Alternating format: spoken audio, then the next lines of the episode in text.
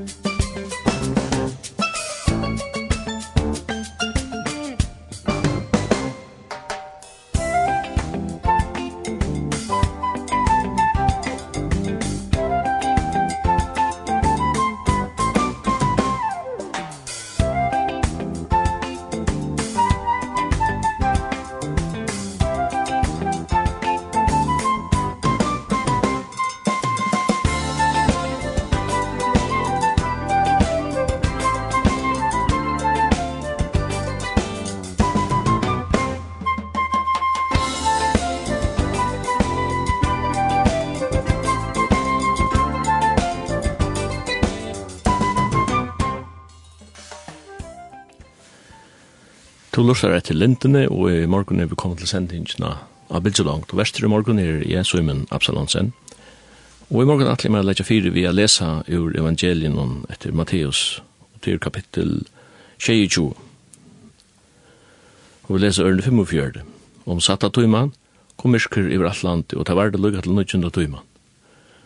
Om nødgjunda tøyman røpte Jesus vi herrer at Eli, Eli, lama, sabachthani, «Ta er god mun, god mun, hvor er du færre fra meg? Når tøymene stod her, så at ta der hørte dette, han råper etter Elias. Og en tar og leip vid det samme til og tók svamp, fyllt han vi et ikke, sett han og rørste og gav hon å drekka. Hine sa til boja, lett hon suttja om Elias kjemur og hjelper hon.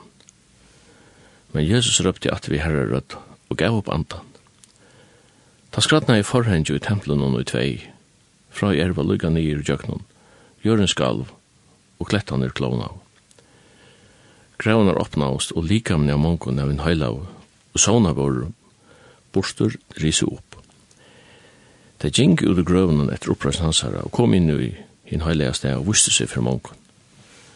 Men de i høvesmævren og tar vi honum held vakt i Jesus og så i og det som hendte, var det regler ratter og sette sannelig hesen versjoner gods.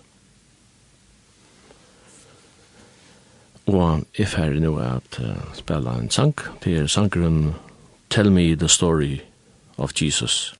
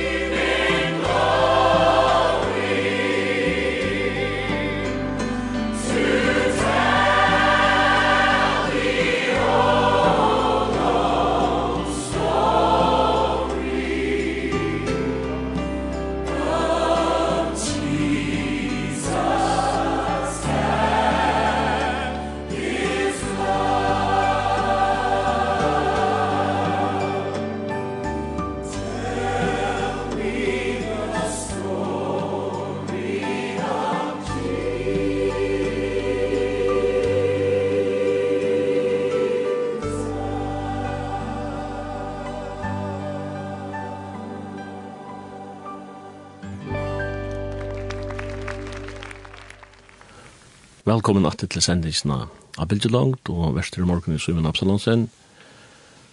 Og jeg kan sånn er tekniker i sjokken, og jeg finner en gjest i morgen. Han kommer innan nord, Skalafjørnen. Påle Jakobsen, Påle, velkommen. Takk for det. Påle, jeg har haft deg som gjest før. Han snakker sønder om, om tutt liv og Så derfor har vi ikke, ikke kommet så nøyde inn på annet, enda takk det, men um, jeg kan huske som er at uh, nevnt onker evner som man får prate syndrom. Ja. Du er samkomlager. Ja, det er vi i fyra år. Men jeg skal ha fyra. Er det en sær særlig oppgave? Ja, det er alltid igjen. Det er en, det er en arbeid for oppgave. Det er det. Ja. Og det er ikke en oppgave som er endelig fra 8 til 4. Og nå er døgnet rundt. Ja, ja største. Det er noe som alle tøyene er fremmede i hans tanker. Men det er så, hvis jeg ser frikyrkjøret er her var mer og mer, altså flere og flere som har pastorer. Det er ikke vanlig for, ikke for Nei, det er det ikke. Vi har en, vi har en løslo, og så en daglig løyere. Det er så. En løslo på fyra personer. Den oppgaven er det, ja administrativ oppgave, eller salerøkt, eller en blanding av nekken ting? Nei, det er først og fremst uh, av andalig karakter, kan, kan man säga. Men til røysene er ikke av fyrsting og lynoppgaven. Men til røyna vid at utdelegere som tog en ferie. Er det en oppgave som vil ha menna til røysene som mennesker? Ja, hon, hon er veldig øyelig utfordrende for meg. Ja, men det er sikkert nok alla pastorer sier att det det det att det går av som. Ja. Det är det och i hej egentligen han drömmer om å være samkomløyer eller pastorer men det ble det så. Og det er sånn nok ting, det var nødt til at vi halda det til, og det er nok ting, det var nødt til å lære nok så kjøtt. Det her er hodet jeg samkomma, jeg vet ikke om jeg skal si, eklesian, som er fra at til uh, grunnteksten, Hva er en SAPKO for nægge?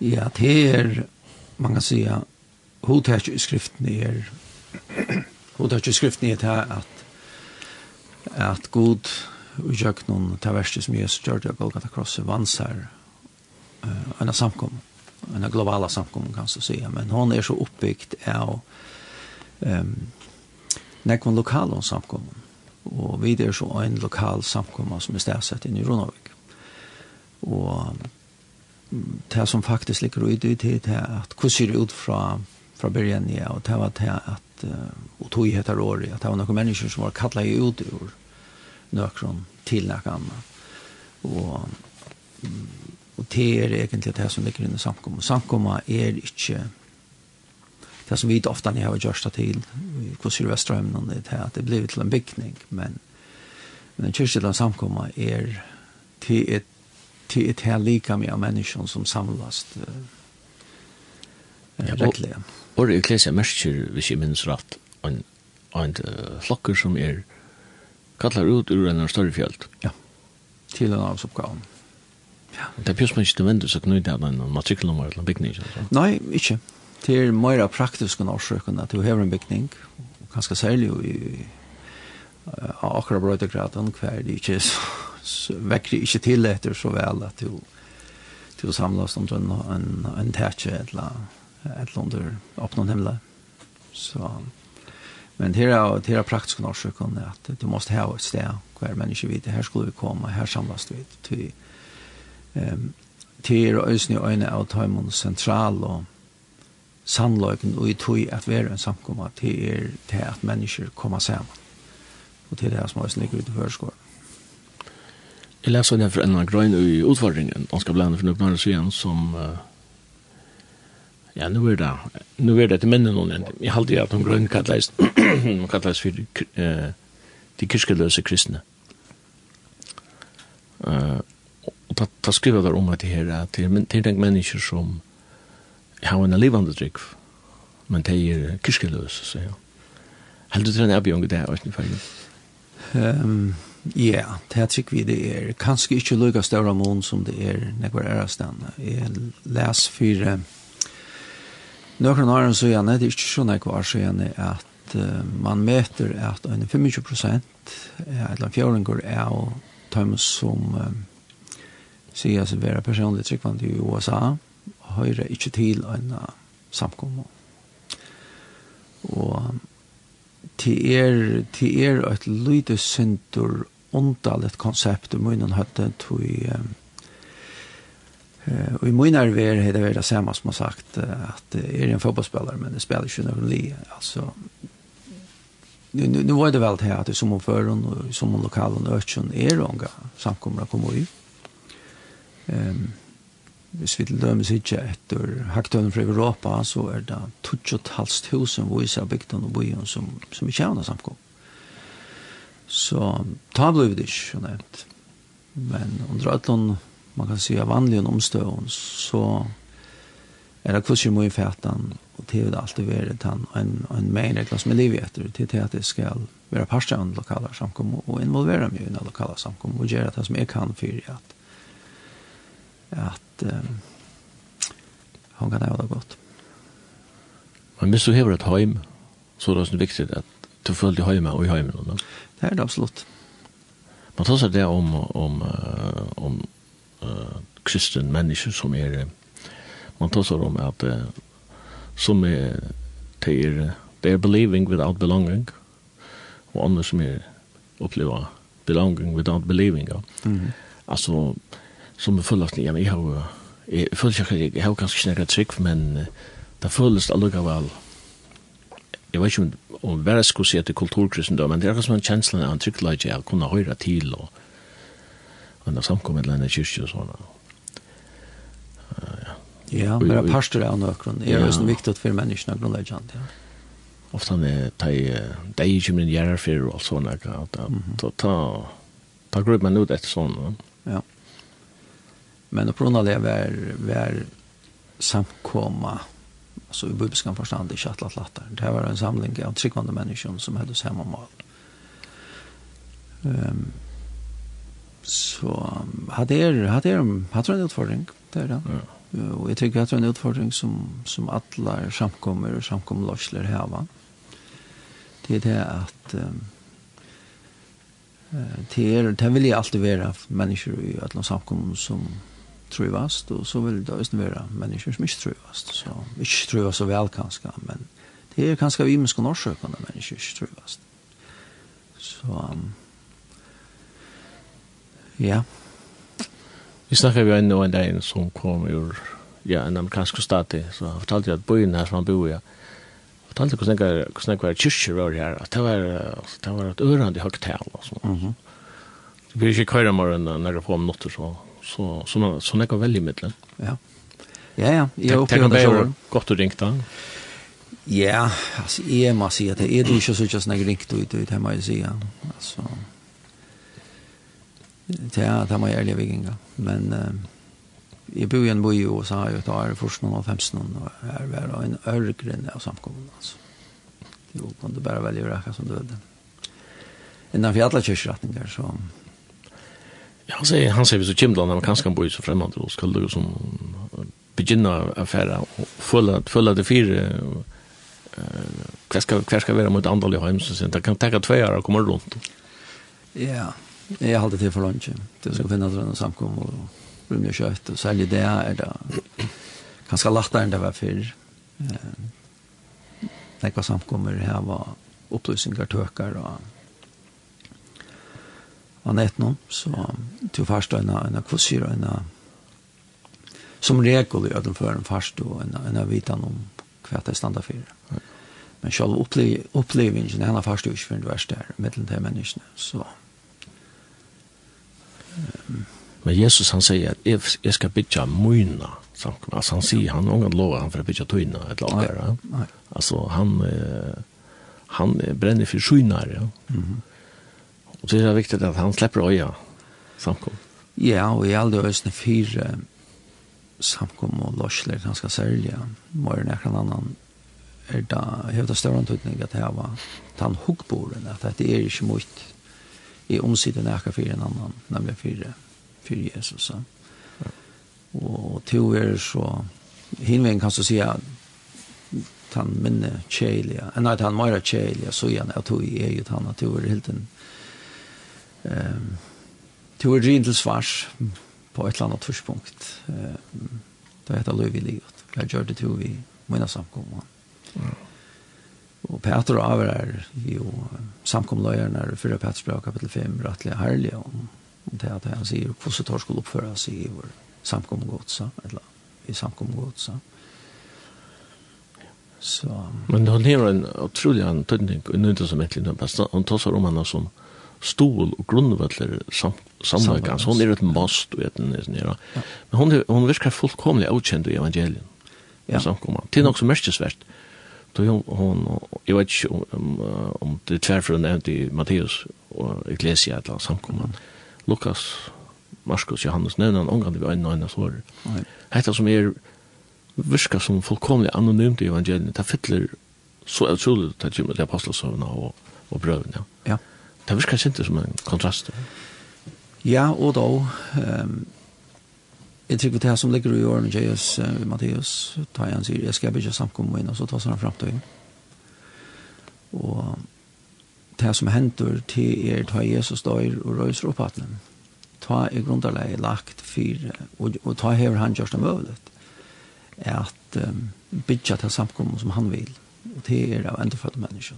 Endefødde mennesker, var man kan säga hon var inte mövelig i bokstavligen förstand av den upprörelsen.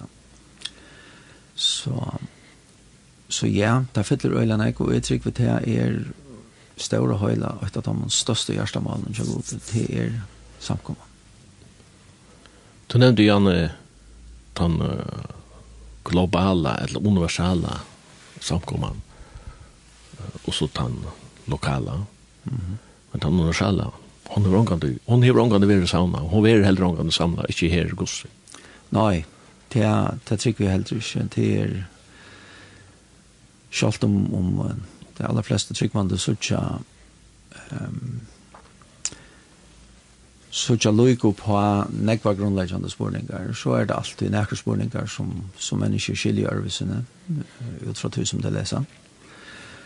Og, men tog er det også viktig at man hever en, en, også en avvisan holdning til at uh, eller er oppmerksammer på hvordan uh, behandling er uh, en bror eller en syster som når det testament i høysen tåser om at vi er bliven at man vil bli en tryggvande uh, selv om jeg ikke er samt så er vi kanskje så er vi det familie väl. kjenner ut og tui tui haldi er til hevur stóran tutning fyrir okkum tryggvandi at vit vit hava tær við hua.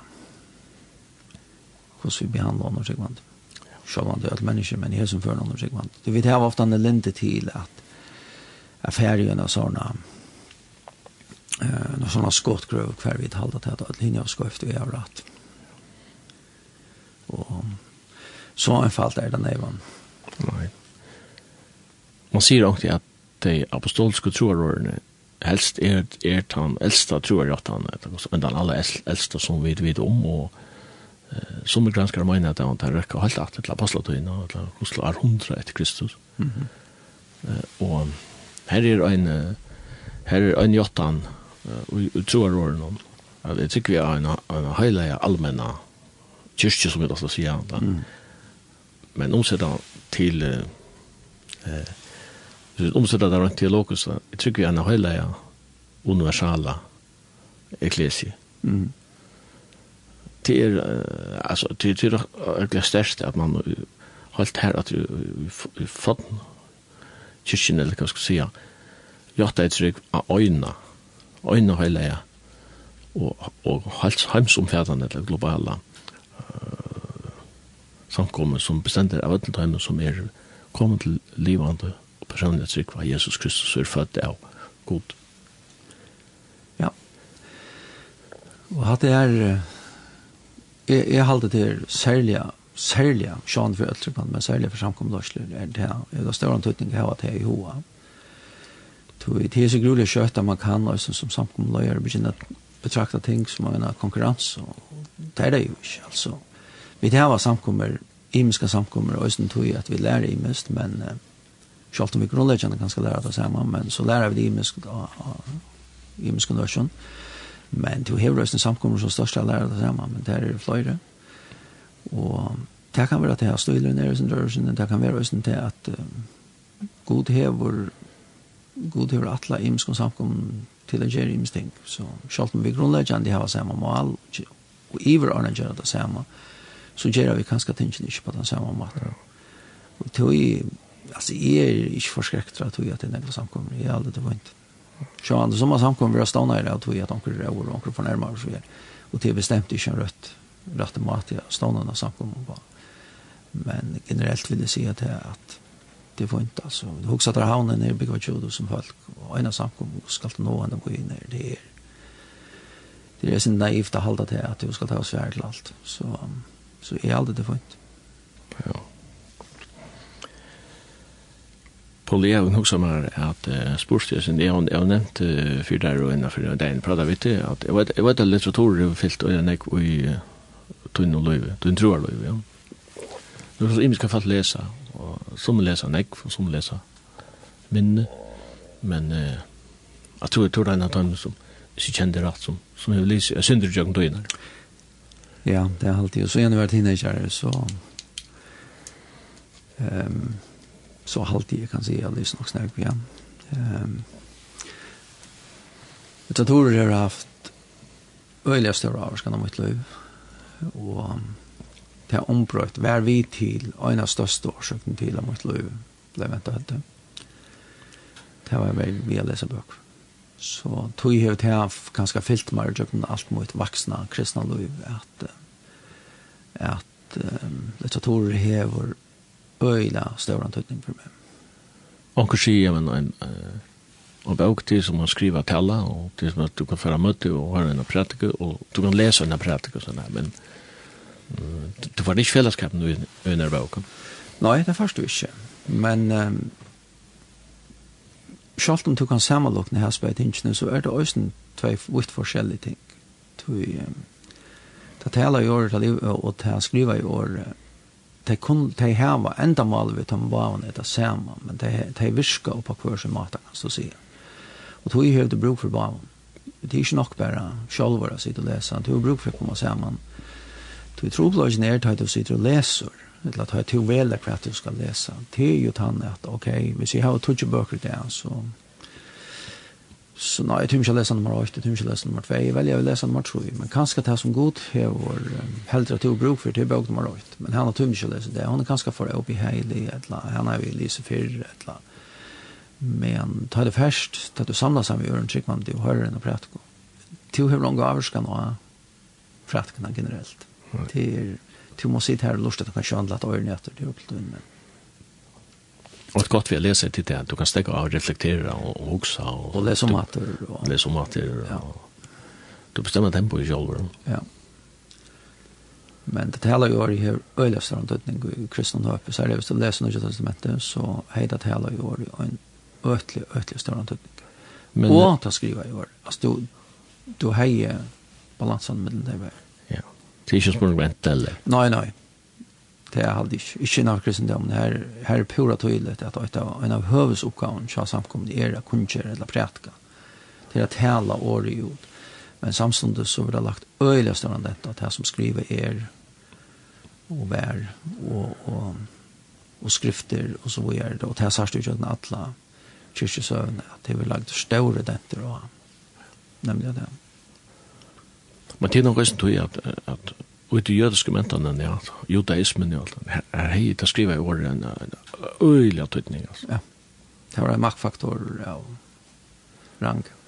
Og jo, rabbiner og skoler, og ja, man, leser man, leser man eh, evangelien, så, så møter man ofte dem skriftlærte. Ja, farseren, og sadikeren, og tar, tar alle brukt og øyelig tøy på, på skriften her jag läser ju också den. Jag var inte, jag granskade det sån här, men det var fyra varje sida, men jag har alltid läst också den. Jag kunde ju innan fyra av farisismen här. Här skulle jag en jötsk och dronk och då låg hon åtta natten när jag var tolv år. Eh, vi gränner ju i akra parsti ja, ja, Det jag akra mentan om hvis vi skulle lära näkot han att så är vi om man hals, men ta ta oss av det alltså om hon sa det var så igen. Mm som jag menar Paulus är kommen från Tarsus till Jerusalem och studera som 12-13 år gammal. Ja. Och, och var ugen för lärdom och fedra mina och kände skrifterna ut och in. Och så tar jag ett kjempe stycke så så så så bränner han för att här sig i hans egen sektene som som predikar en falska messias. Han tror ju på messias. Mm -hmm. Paulus. Ha? Han tror att Jesus att Kristus skulle komma. Han tror bara på Jesus. Han tror inte på Jesus men han tror på messias och ja. vad allt han tänkte där. Så det är ju en sån sekt som nu är uppstånd här och och en alltså att en mäver ur Galilea ur Nazaret som döjer en kross ska vara... Fötter ur Betlehem. Och fötter, og, og, og, og de kalla han for Messias, det vil, det vil det plass for meg, i hans erver. Ja, det var det jo just. Han, uh, han sier selv i en av brøvene at han får langere og i, i, i synd og egenskap i en atler synder i en alder. Um, og han levde, sier han øyne, at han levde etter det strengeste parten og i lovene, så man kan säga han var han var 100% eviggiven och committa över till eh Lona och periodiska skrifterna. Ja. En till han där han möter till upprösta frälsaren av vet till Damaskus och sett att det tryckvande i fängelse och ta blivran Luka man kan säga kommit av sin vägen till att prätka det att Jesus var Messias, Jesus var han som jödarna hade bo efter vi ödles här. 1500 plus årene. Men alltså uh, skriften föraktar angående kunskap att det är att läsa och granska och såna där. Alltså det är inte sånt då. Det är inte sånt du är för boy tvärs emot det. Det är det. Men men det ligger en vant i kunskapen att han läser uppständigt. Ja. Og det er nemlig at her kunnskapen viser selv, hun kan ikke standa ensam, eller han kan ikke standa ensam atler. Det er åpenbering. Ja. Altså, og det er informasjon.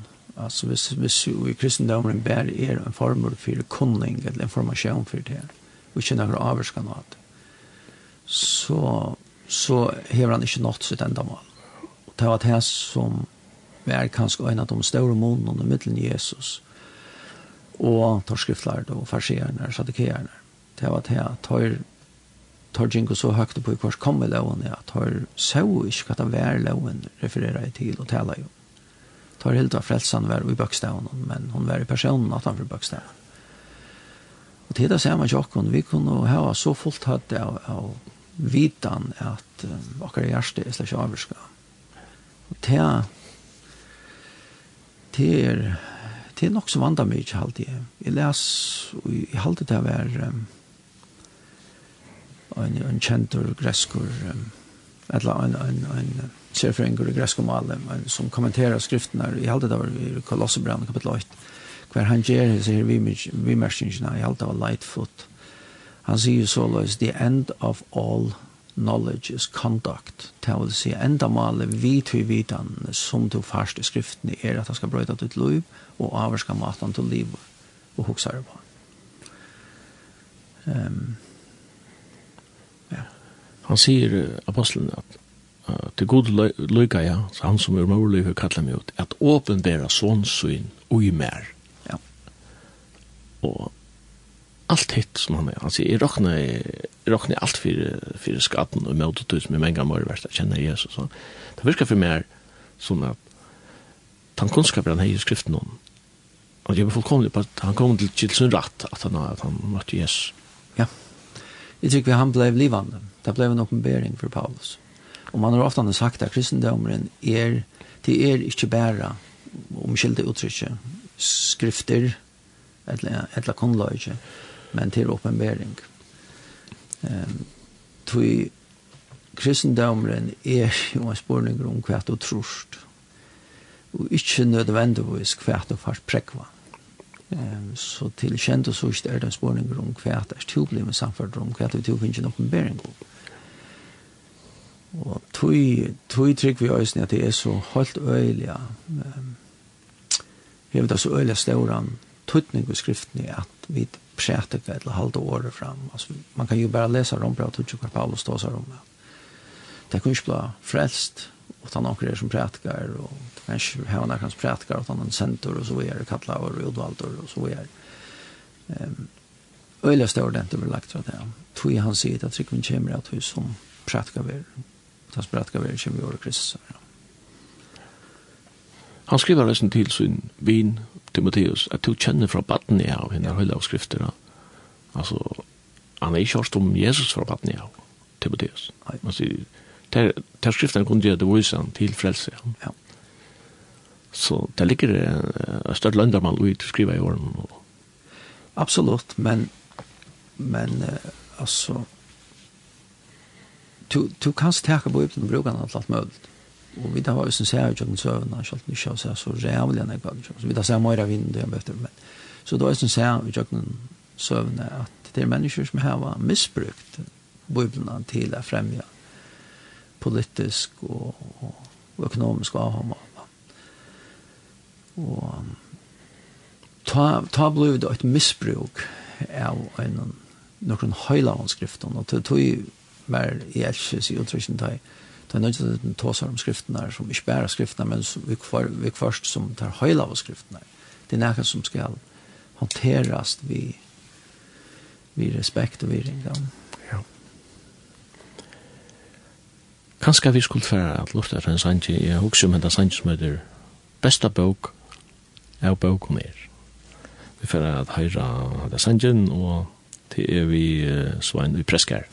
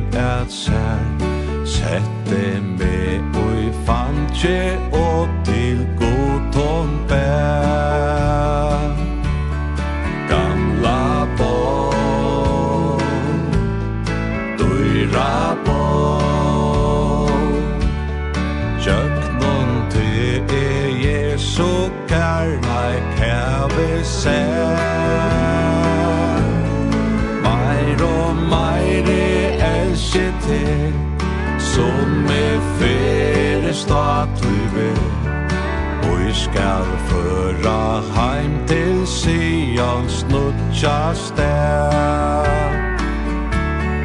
Hon fortalte fire mer Og så Jesus Kristus vær Komen her at ganga krossens tunga ved. Da er krossfestan sa han? mer tar av kinneran Kiste hon me seie alt vær vire me Gamla på Døyra på Tjøknon te e Jesu kærleik heve seg.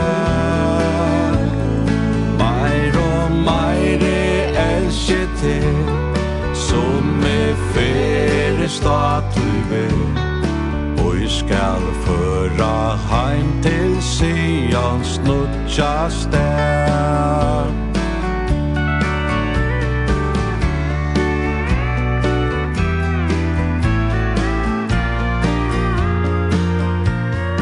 Neu oi himle mamma bor Men tant Kom i sorg og glede henne vær så kær. Hon gav kraft og i nejar stund. Hon helt inn og i deians blod. Og e veit hon eisen skal hjelpa mer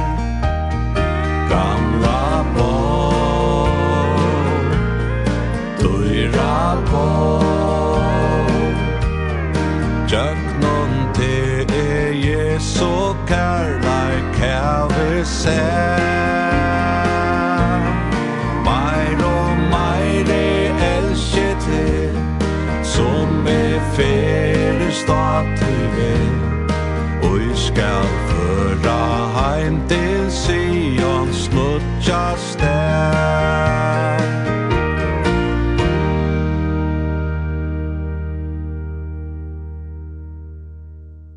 to lustar etter lendene og sendingen av Bildelangt, og vi tar en gjest til morgen og til Paul Jakobsen, og vi tar prata en løte sammen her.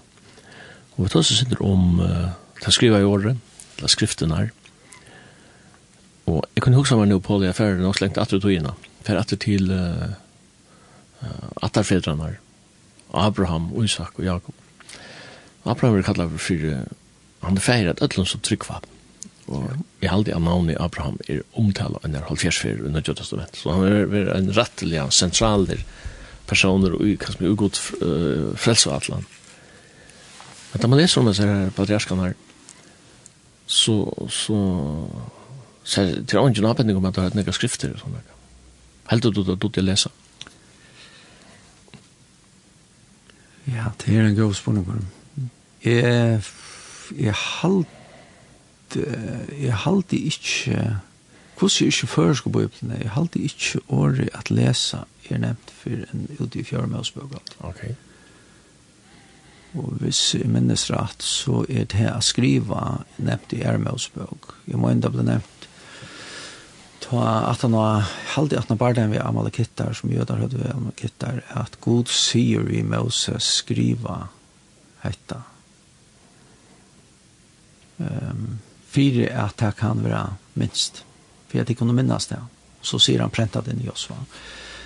Men uh, jeg alltid ikke så minnes rett at år, hans i årene er brukt åren där. Og Moses levde jo hver 1600 år åren. 15-1600 år åren. Kristi Føying og Abraham levde langt rett enn det, så jeg, jeg var det ikke ordentlig. Abraham kom ur Urukaldea, det var en rettelig framkommen kultur og så vidt jeg jeg har lyst meg til. Så og en lærer stedet så trykker vi til å gjøre å lese og det har hørt en eller annen form for, for skriving.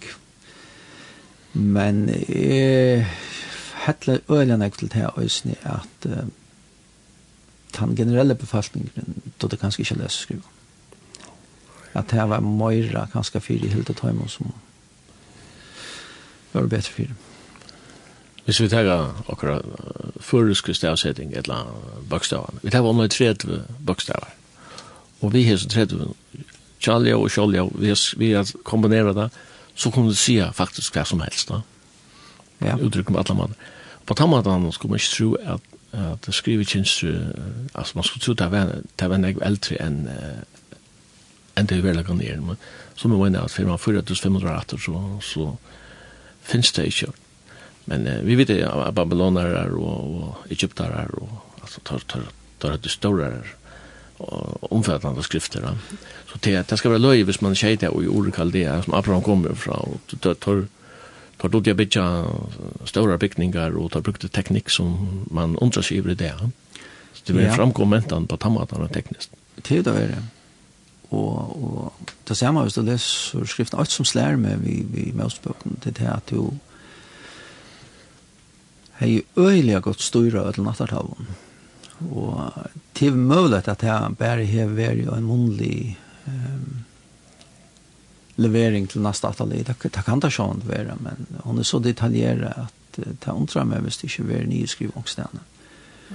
Um, så, og, og da vi så kurset komma til Moses, som sagt, 1600 år, Arjen Kristus, ta stendur jo i Apostelsen kapitel 6, ta Stefanus, jo så sjølvan. Um, I for Medlanda Paulus, ja, som ta at Saul. Så sier han at Moses var lartur og i ötlen visdom i Egypta. Ta avverdet til at onkra ensk tøying sier til at he got the best education in Egypt. Mm -hmm. Så Egyptar har kvosir haft um, og en skipan, og en oppbygging av skipan av omkronslä, og hvordan sier prinsaner og tar som vår og høgt opp i, i, i tog politisk og skipan tar tar finko, tar bli utbygner til bægjørt og annan. Men alle fedrene tar det ut i Kjeldon, ja. i Øyemarskunnen tar det tar det hirar, tar det kreatur, tar bygde alt der, tar tilbøy og god, Og skriften leser vi ikke om, men der har utviklet kan si, noen evner til at høyre og lurta, og, og så etter seg at der har ikke vært forstyrrere av bøyerløven og alt du Att du skramlar som rundan upp om de har kontakt lite. Nej, det är så där. Och ett annat som där har då vet jag för en vi då det. Det är andra ting kanske så vi då vet ju där men tid här att ta det då bättre se ifrån tog det var øyelig, det er en, en stauran, det er en stauran løyklod i, i nekvomentan, sikkert de aller fleste, at du fortalte til neste atalinen om det som hei ver, altså søvna, um, tja tog falsk noen, eller tja tog den tog, tog blei det levera, og, og tja, Det er også nye kjenstor, at du har sier fra, du er at fortelja, um, vil de yngste at det dotter det er bedre og verst, men men det er alltid et høyre her, og et eller annet hei hatt og øye vel at vi tog inn, det er åkne vi til at man ser øye tog inn hvordan kjøpes du leser til israelsk eller jødisk søvna, les skriftene at um, tunnjekst øye høyt på i at leidja den nyre bøttene og nyre abbabøttene det er som det er som er i tøytning. Som jeg har skilt så lærte det jeg ramser. Alltså inte bara för föräldrarna så så kan du föräldrarna vad gör på din mata. Men till till lärde den ramse så skulle inte ge man orra att På tamma den sitter man ser att alltså man snackar med oral history ja. ja. Att uh, servant levererar vi är eh uh, mundliga. Ja. För vi är fratar lite latterligt. Ja. Och det har aldrig kunnat varva dana lugga väl, visst du inte, visst du inte var ramse form. Det är det. Og, altså, jeg, jeg synes det er inte alls felt, jag som mamma min hun dår, kongaretter og Anna og den er som jeg ikke har en chans för jag citerar att vi är lærst av. Och Salmar. Till angående ja og Salmar og Sanchez. Vi tar til centra at vi tar i Jack för stora platsen. Men eh, det viser bare at ha det och ta det lära ting åt annat så så sitter det ofte fast. Mm. Jeg tykker det kan skal være et av de første tingene. Og et annet som jeg har som jeg har bitt mest jo i ta i Alice om Lise Mosbøkene til dømes. Det er ta i Moses sier halde det er Uh, Og så han Moses var en høklærde med over etter ta til samtalen. Han, han var jo oppdrien i, i kongshøtlene Tjafaro som var en av de store kulturerna då.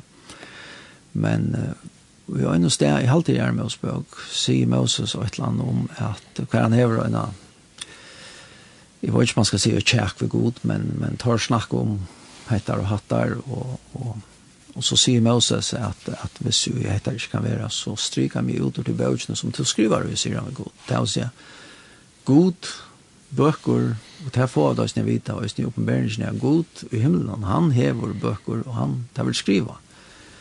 Og Moses er jo åpenbart eh, funnet jo det av tog. Han levde jo i en særlig forhold vi god.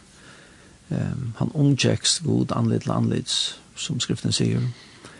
Og, og han har så åpenbart funnet det av tog at god har bøker eller bøk som han skriver jo. Um, så ja, det er ikke annet det er veldig godt å høre ikke som damer bøker og å lese. At, um, Man flyter seg så fra en av munnlige mentan i utlanda, en skriftmessig, en skriftmentan ja. fra man tar oral culture to text culture mm -hmm. til en, en uh, mentan her vi søva vil levera hojar vi men til er ikke nevnt ta at, at, at, at skriftene altså skulle du kopiera skrifter som måtte gjøres i hånd tog jeg skriftet helst ikke kvarsmannsåken. Nei. Men det er, det er, det som det kallar det heila av skriftene, det hadde en, en særlig status og ble gømd på samt bestemt av mat og varvet her og kvart og sånn. Ja, og tog i hele det der, hvis ni hundsatt av oss av æren, og som var tusen av oss av æren, så... Og etter her... Um, det, det, det er det ting som vid i det som nu till med vi alltså vi halta ofta jag halta vid i akkara mentan och akkara tui kanske gera en liten foil att vi halta att vi är och så rävlarna klokare än att som lever från någon annan och och vi halta det ofta när tui vid här var en en en tökne som är längt framför torr men jag husker ofta ni om nekvar av som gamle kulturen, og hvordan man hever kunna varvått, nekvar av, av tøyman opplysningen om hvordan tar termentan der vi var, hvordan tar bygd, og hvordan um, hvordan spør det til at du kan stava bygninger i det som er flere hundra år, og flere tusen år, og tar standa stadigvæk, ja? og dette var så kallet i avvitande folk, ofta i okkara egen. Men tar jeg avvitande okkar ting som um, og vita noen ting som der heva vågjere lars til det neste, og neste atterligene, så... Altså, vi sier vi som lever der, altså, vi er opplyst, du vil leve 18 opplysninger til inda, og det som lever 18 opplysninger til inda, det var ikke opplyst. Det er nok så uh, arroganter, hokkborer her. Ja, ja, det er just. Men her, er ferdig datte til skriften her, så, så så läser man om eller vi vet att det är det äldsta skrifter som är bevarade i det andra de allra äldsta till och med det har så till här. Mhm. De funnar någon sån ro. Kan ske i fjärde sån här. Och det funnar en grott i och sen i Öjemarschnär. Eh Estan i Jerusalem. Vi förr var det så där så ta det kom och massa sjörarna i det kom så så runda folk ofta för kräkva sig men det förr ofta i kyrkan och tog silver och kräkva i där borster och og alt det som hej alle skatter blev og som blev greven i den. Mhm. För for jeg kräva det bort och jag ta het det ta ta ofre kroppen under förna stället och så kunde man ta det här framåt så det faller i. Mamma räknar vi den, at det mest höjliga som det där åtta till hur skriftnar og ta i futjunden vera vi er, og, vi och herja i, så så det vil vekse det gå upp där. Ja. Det var jo, det var ju og i det jødiske samfunnet var det her var i lov og mentan. Um, og, og det var det var tvinn erkong og tvinn opplysning om hvor god vær og hva han ville til så gjøre. Jeg tror jo også det at du, du sørste hvordan sier jeg den jødiske mentan at har hørt du kanskje Øyna bøkrodla øyna sted. Typisk vær hun kom til synagogene, eller til samlingsstedene som gjør det andre høtt. Tøyre at stendru Jesus sted han kommer inn i synagogene, og Eldar Nazaret och han fer och han läser ur, ur Isaias profetia. Ehm um, Tror var det viktigt att komma samman och det på lyser ju upp ur som skriften. Och en teori är han att ta i romer herre i herre i Israel och i Arn Halfjärs. Jesus har ju, har ju sagt att Jerusalem ska vara lagt i öj och sådär. Att ta här var jötan är och av tidsje hessa här i skriftrådlarna og krekva det i grotton. Mm -hmm. Men tar så satt det blir en tunn tundur sjálfur. Tog hadde leir angen anna der til. Ja. Ikke det var funnet noen skje i fjord. Og det er, er lagt her inn i seg disse grottonar, lett å si i Arne og Fjers. Det hadde langt vært i hundre år gamle. Og så var det funnet noen skje i fjord. Altså, jeg standa i Jerusalem og en museum her, og hitt etter Isaias, en bøk av Isaias, og som skriva for mer enn 2000 år så igen att jag ser jag prövar dem alltså till till en til en örande tanke alltså du du får råda sig nu med det jag ska kvar ner nu stannar jag höll runt ja. Och så och så också där att här har du profetier om Messias men här så skrifterna är skriva här Arn Jesus när han det jacka är gör ja hon sa det var så här ja fantastiskt. Jag hoppas att Her stender i Rombraun fyrsta kapittel og, og vers 8 er Paulus, tenar Guds Jesu Krist, kallar til apostel og kosen til at kunngjøre evangelium Guds som god framan undan og i høylavun skriften hei lova i profeten søgn. Ja.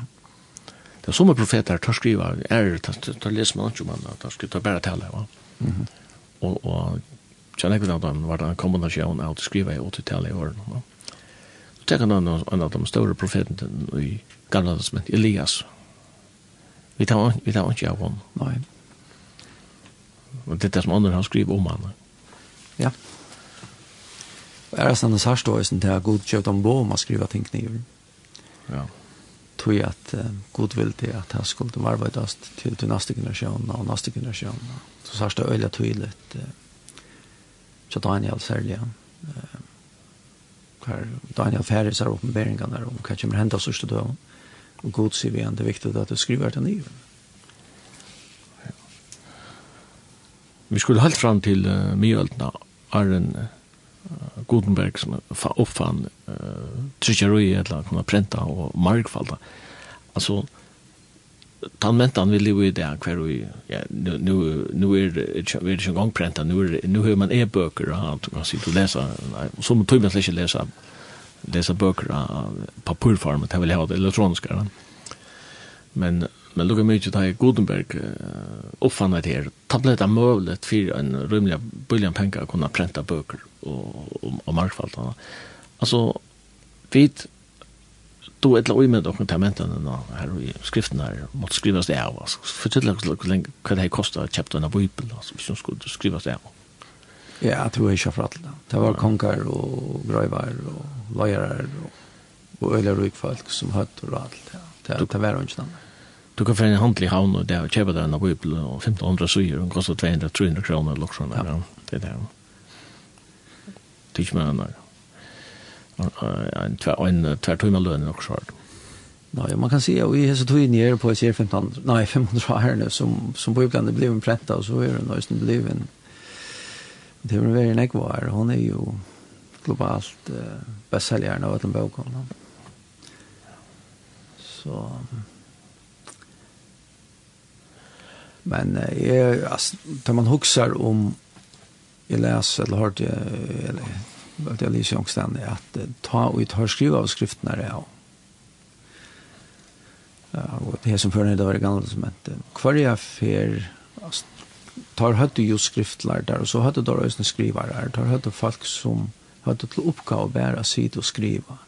Ja, det var folk, det var prentare faktisk, kan se si, i en forstand.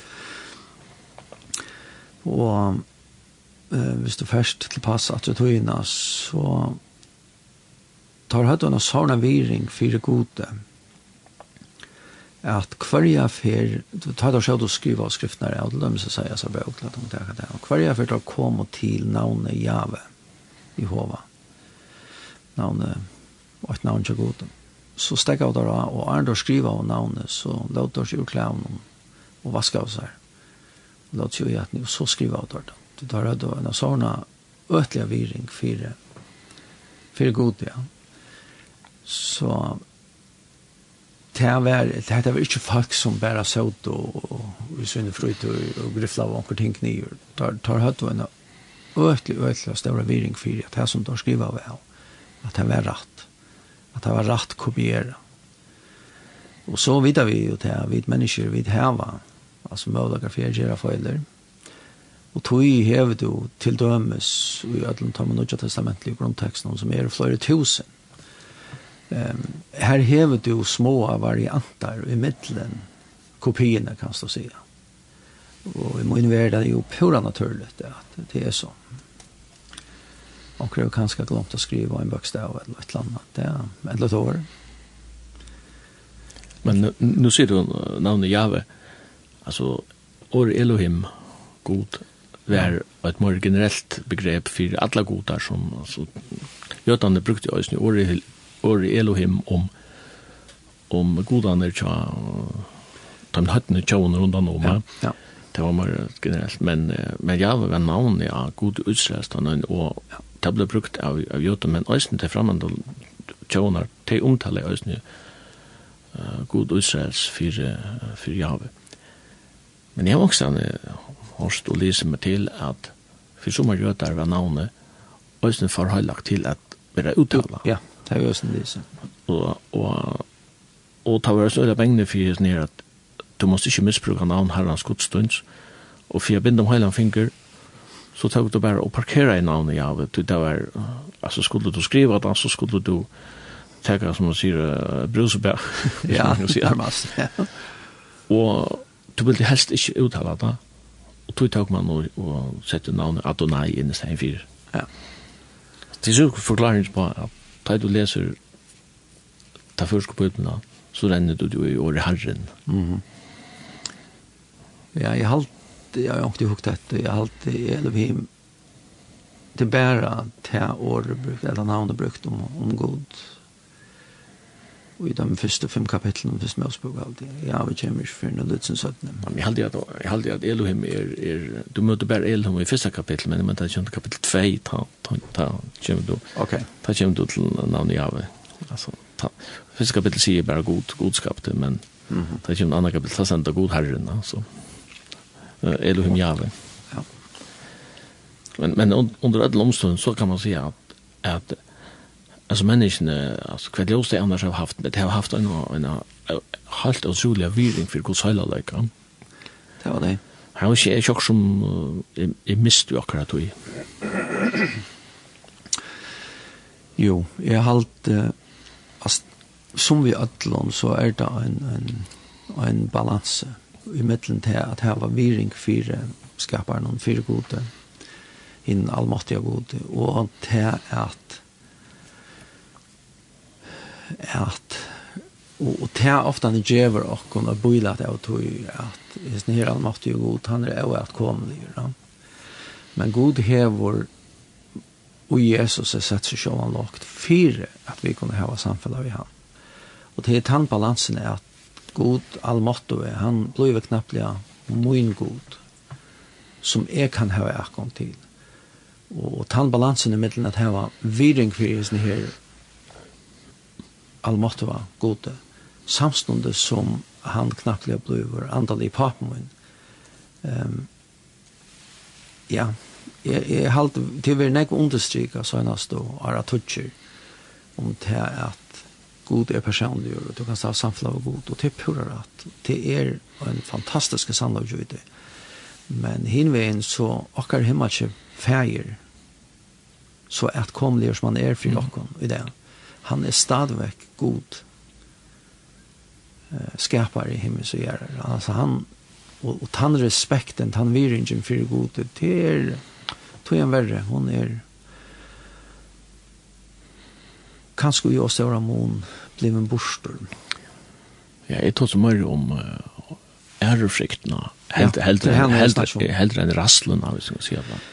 Nei, jeg tykker vi ikke bor blant hos, altså som en, en, en baden av god, så vil god ikke ha det, og bengen for honom. Han vil ha det at du hever en ærefrikt, en, en viring for honom. Mm -hmm. um, det er bein og gjelder som en tås om øyta herrans.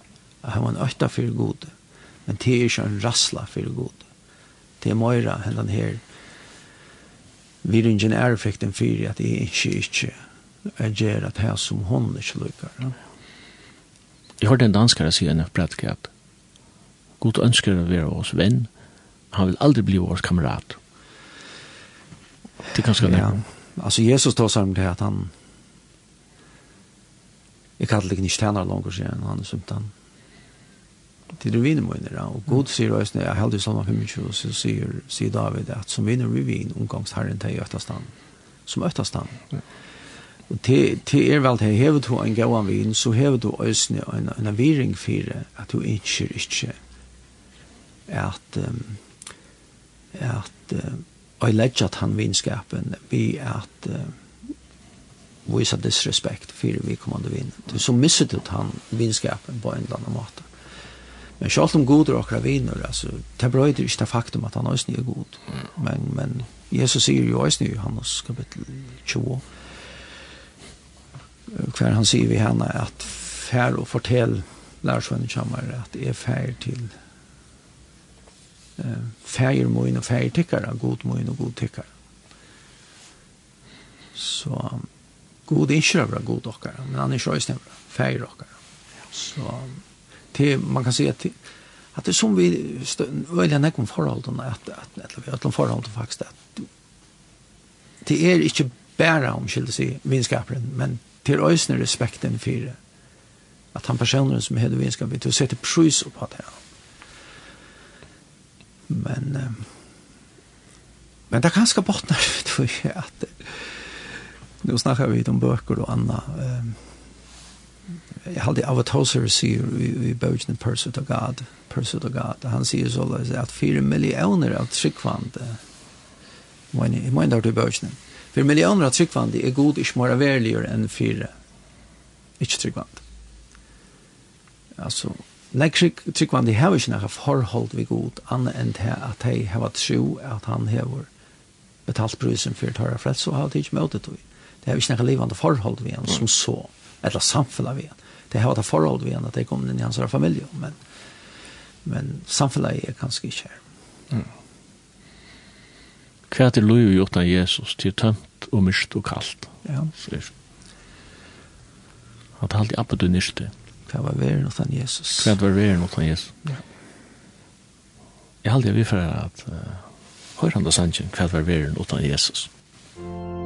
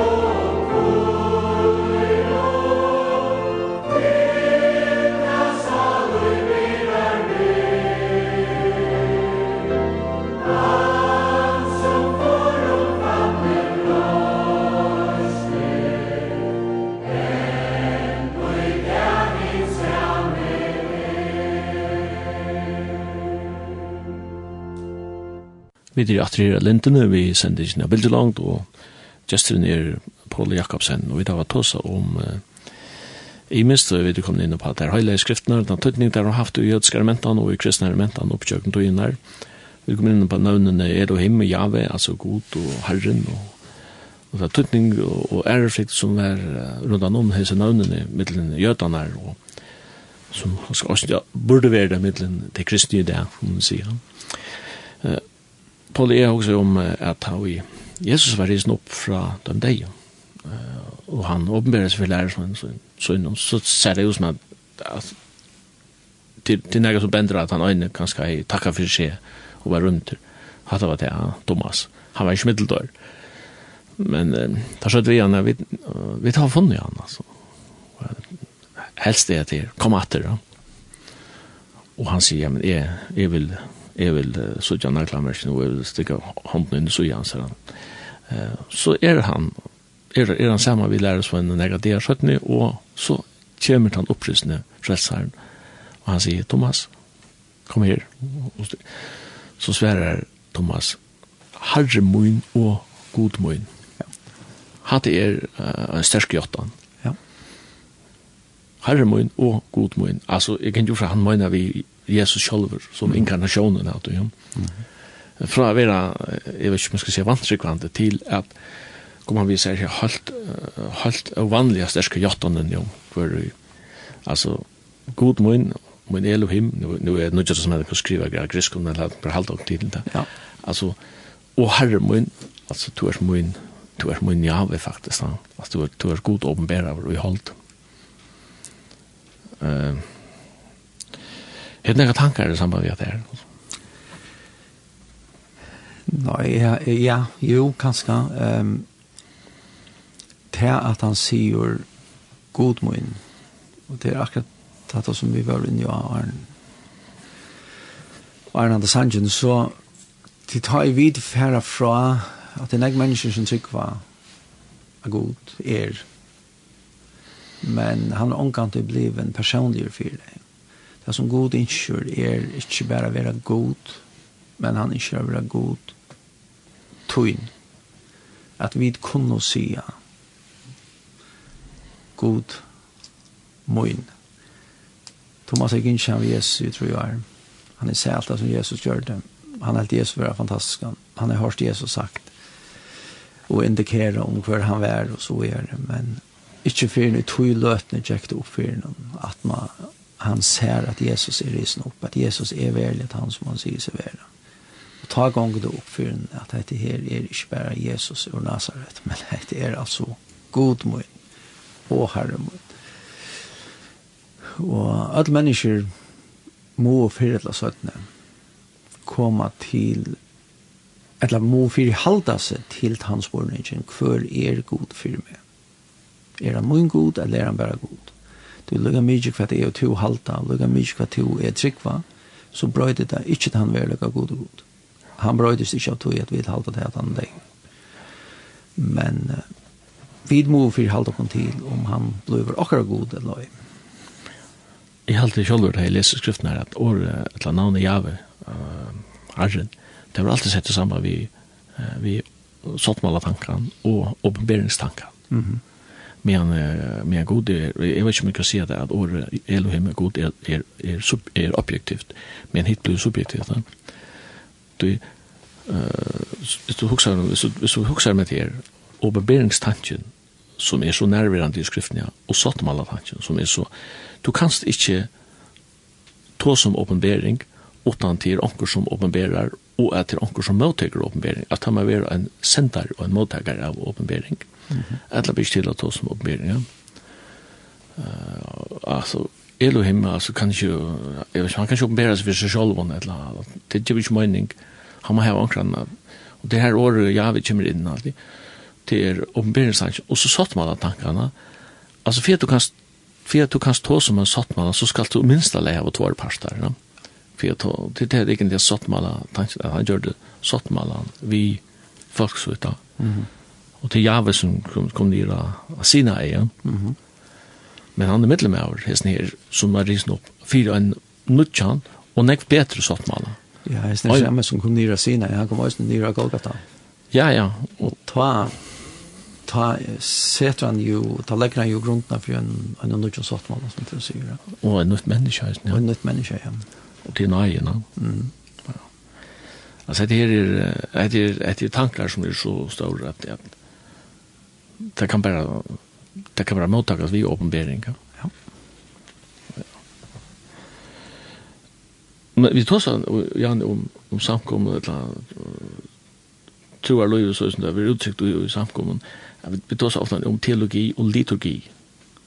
Og hva er liturgien er ofte maten vi gjør tingene på, medan, medan teologien er, er, er innehalt, eller troar innehalt i uttog. Teologien til var at læran om god. Ja, det er det som ligger i årene. Om, men, men med liturgien uttrykker man godt styrkan på engelska måter. Ja. Um, og, og her til dømes, hvis du tykker Nye Testamentet, så er det noen ting som du sørst at du gjør det, og det er noen ting som du ikke sørst at du gjør det. Så... Og er i Øsne Pura viser vi tog at uh, selv om du hever som og tidlig i tvøy mot samkommun, men det er litt hver sin heimsparste, så, så vil utføringen av tog trunne, eller tog tog att tog samkommer då även om det var ganska örvesen. Jag har röst i Kina og Pakistan og några er stand i Östern i Afrika og, og til sørst, um, til sørst Sjalt om jeg har vært i samkommet som trykker størst at det samme som jeg, så er maten til å gjøre tingene på um, Ørvesen er en ganske vi gjør det her når Norge. jeg sier til at vi da skal efter, vi da rett og til det skal efter lommen. Um, men tingene som vi gjør tingene på ta i Bibelen er særlig noe som ikke er så rævlig spesifikk og i gosse vid endelig forma tingene i noen føren er det, noen føren er ikke det. Um, så kommer mentanen som vi er og parster av, format av Øljanek. Og her er det vi som tryggvande at Latvina må, må man kan se, evaluera til tingene vi gjør. Er, er det i orden som vi gjør? Altså, er, tu, tu, tu mentaner, alla mentaner hava gau ting, det er aller fleste som, hvordan jeg kjenner. Det er også noen ting som ikke er så bibelsk. Ja? Og, og i mine ver stender altså skriften om for mettanen, men, men du kan ikke ignorere mettanen og en av sånn. Anker har definert mettanen som venner. Altså, ja. altså hva er, hva er mettanen? Jo, mettanen er som du er venner, gjør han. Og det finnes uh, gode venner, og det finnes alle som er ikke venner. Det er så på dem måten kan man si, det kan finnes gode mentanen, og det finnes kan bara alla ta det av att jag mentan är ett av folk. Vi tror inte gott sant om att det är inte något grovmentan men det är ganska kulturer på man det skulle så vid definiera men samkommer och kyrkor har lösning en liturgiska mentan. Ja. Hon kan någonsin blua och själv så är via tänker en en en Guds närvaro och och och det var det som hände av Jesus och sant i det här för förnyan i templet han och sånt och allt det här kort ja men alltså ta Kristus kom uppenbara av eh av gode så det som skriften til henne, så tar som, tar som kjente skriften er best, tar kjente han slett ikke, Nei. som Jesus han. Og det her er en, en og i munner er bare en, en, en konstant og en kronisk avmenning om at jeg har bruk for nerver godskvendan øyne, så det er for til skriften er også sjalvån, gjør ikke mirakler, men det er åpenberingen gjør den der. Mm. Men til dømes, nu blir jeg til å lese fra Matteus om til Jesus, um, dör ja, av Golgata Krossen. Da stender att at foran skratna i ur erva och nyer. och och det er jo forhenge som som døyler til aller høyligeste fra de høylige. Det aller høyligeste vet vi jo fra gamle som hette, vi har bare en person og en fra Mare som kunne være inn her. Og knappt enn å skrattne dette her. Forhenge, jeg, jeg er samfunnet om at det er mindre på at jeg god ikke langer bor og en fysisk sted han flott ut. Nu flott han inn i hjørsten av menneskene. Då Jesus säger jag så møvlet hvis han dag och uppröst. Men vi har ofta en lente til at henge oss så fast i de fysiske rammene og fysiske måtene å gjøre tingene på at vi glemmer det veldig innehåll i ut. Um, og, och vi tar ofta en tendens att så jag heter en fantastisk flott bygning og så gjør. men en bygning i seg selv er ikke lov. Og, og du kan stäva uh, flott fire skipa är ceremonier og anna, men det er ikke nødvendigvis um, en sjåfylgje at god er vi ut som vi gjør. Men det er sagt, så, så trykker vi til at alle samkommer har sin egne mentan. Du oppbygger en av sammentan, du hever en av sånn kultur i en kvar samkommer, og en kvar organisasjon. Det blir ikke noe skøft ut i? Nei, altså, det er bare naturlig. Altså, det, det blir jo mer eller mindre DNA og i, i, i, sammenhengen som du har stått i, men, men at det er det her som jeg sier, at du måste alle tøyene etter kanna. Er det noen ting som vi trenger til å brøyta i hesten her kulturen som vi tar? Vi hørte til dømes hver nere i i England så hørte jeg en eh, så tar seg vi en, en, en samkommeløyere, han er samkommeløyere, Stavran Parstadsen Løyvi, han er i trusjen om det, øyelig erfaring, eh, arbeid vi holdt Stavran samkommen, holdt Smaun samkommen, ivet tidsi samkommer öron øren, och og samkommer. Och han säger det att han, han fortalte seg noe om ta och en ferien i USA, kvar han i vet inte samkommer, för kulturen var så rinkor. Eh, Etter synen tycke og så er bibelskor, at han 18-8 år måtte bare si at vi nilegger seg samkommer. Så nilegger samkommer og stånden og nødja vi, vi nødja vi sjøen, nødja om kulturen, og det begynte jeg å definere at han kulturen som han ikke skulle være, og i till samkommet. Han var simpelthen nødt til å gjøre at han fikk sprøtt kulturen. Um, og vi kunne bli så, man kan säga så cementera ju i det som vi gör. Då ser ju inte vi trycka i stå i för oss. Men cementera ju maten vi gör att inte på ja, vi sier. Ok, det er det eneste rett. Det er det möjliga, möjligt ikke. Ja. Og en sanger heter uh, Mer tørvar alltid til, ja? Mm -hmm. Han er reisende enskån, ja. I need you every hour, alt jeg nere. Og at det er en anmenning om at, at uh, som Jesus sier, er, er skild fra mer kun til ikke gjøre. Ja. Det er en uh, sterk anmenning som jeg har brukt for jeg mer og mindre av hver ene til det, ja. Jeg har vannet sendt nu, for høyre han, jeg har vannet ikke, jeg har vannet funnet en, en svenska utgave uh, til sangeren Var stund jag deg behøver.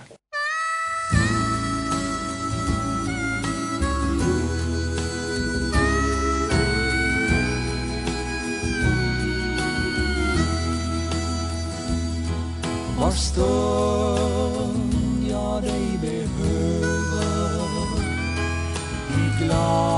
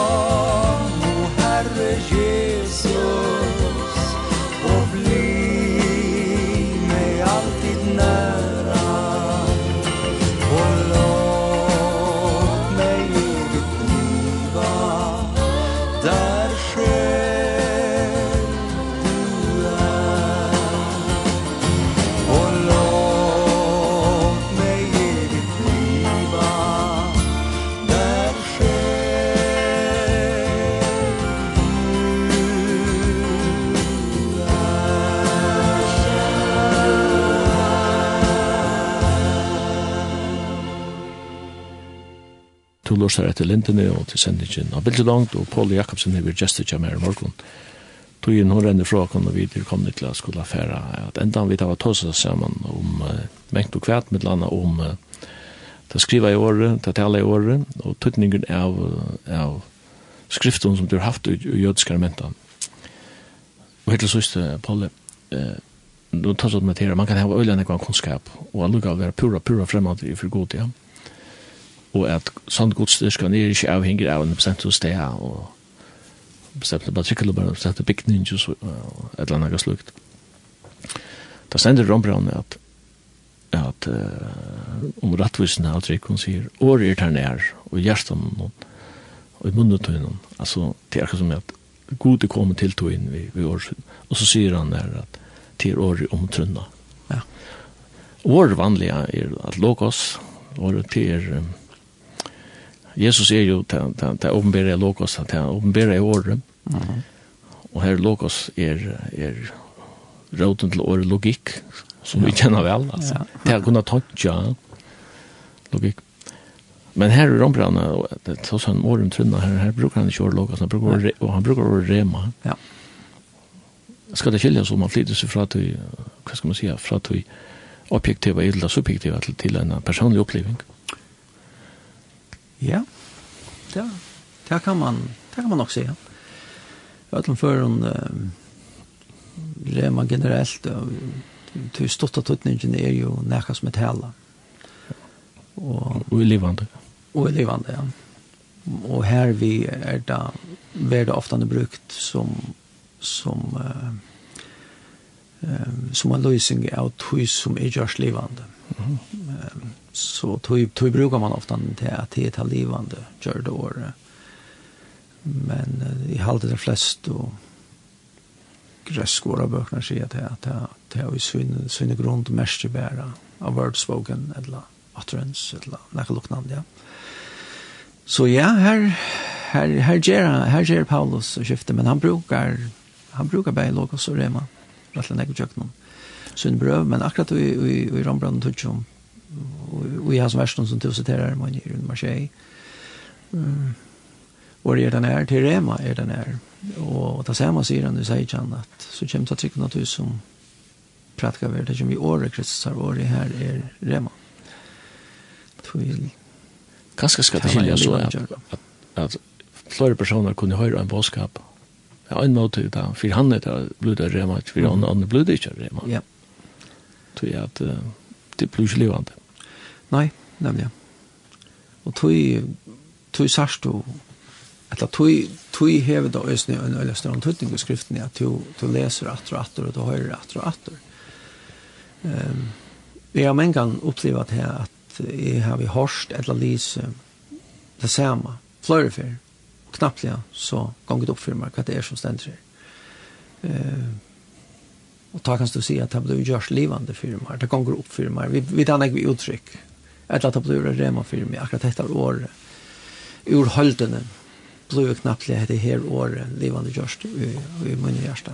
Sjalt du lyser sammen teksten 100 for fyr? Nemlig, ja. Jeg minns en av, opp, en av oppgavene vi hadde ta i Jekka Bible College i USA, vi hadde en av fagsene om som var i Johannesabrøvene.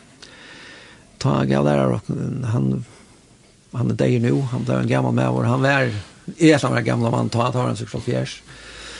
Um, han var uh, kvegare og hei arbeidt nek tja kvegaren i USA men uh, en oppgave vi fikk fra honom var at vi skulle lese Johannes og Brønne Jøkken Tursfyr og for hver jeg vi løste Jøkken så skulle vi svære noen av oss som spårning eller skrive noen av oss ting. Uh, det var en det var en øyelig avhåverd opplevning for meg til at uh, først vi leste ok, ja, fint kjent at du nest før, hette vi lese før, tre, før til samme, fjord og femte, og ta det ofte har du lest, det, nå begynner du knapple det ikke mest til ting som, å, at det er ikke mest til først før, eller nest før lest det. Um, det var, han ville bare vise for åkken, at skriften Roma sånn at du kan, du kan lese den i iverflatest, men ta djever hun der ikke, det som hun vil, vil djeva der. Og hvis du vil ta av morbrosjorene, så måste du nyere det är som just nu i Svetlund, måste ner under vattskörterna. Ja. En av, en av salmon ständer att i ljus och tunnon så tjej är ljus. Det är två ljus omtalar jag. Ja. Så det är det förra är det det objektiva ljus och det sötna är det subjektiva. Ja. Alltså, jag får in i Guds ljus och så här så tjej är ljus. Det blir ja. så upplevd. Vi kunde sikkert snacka lunge att jag, men tog är hon är för en råkon. Jeg vil takke deg for at du vil legge løgene så over høyeste der. Tja, takk. Og vi halte vi for at enda vi at uh, er så sannsyn som heter, Davor er vår elien.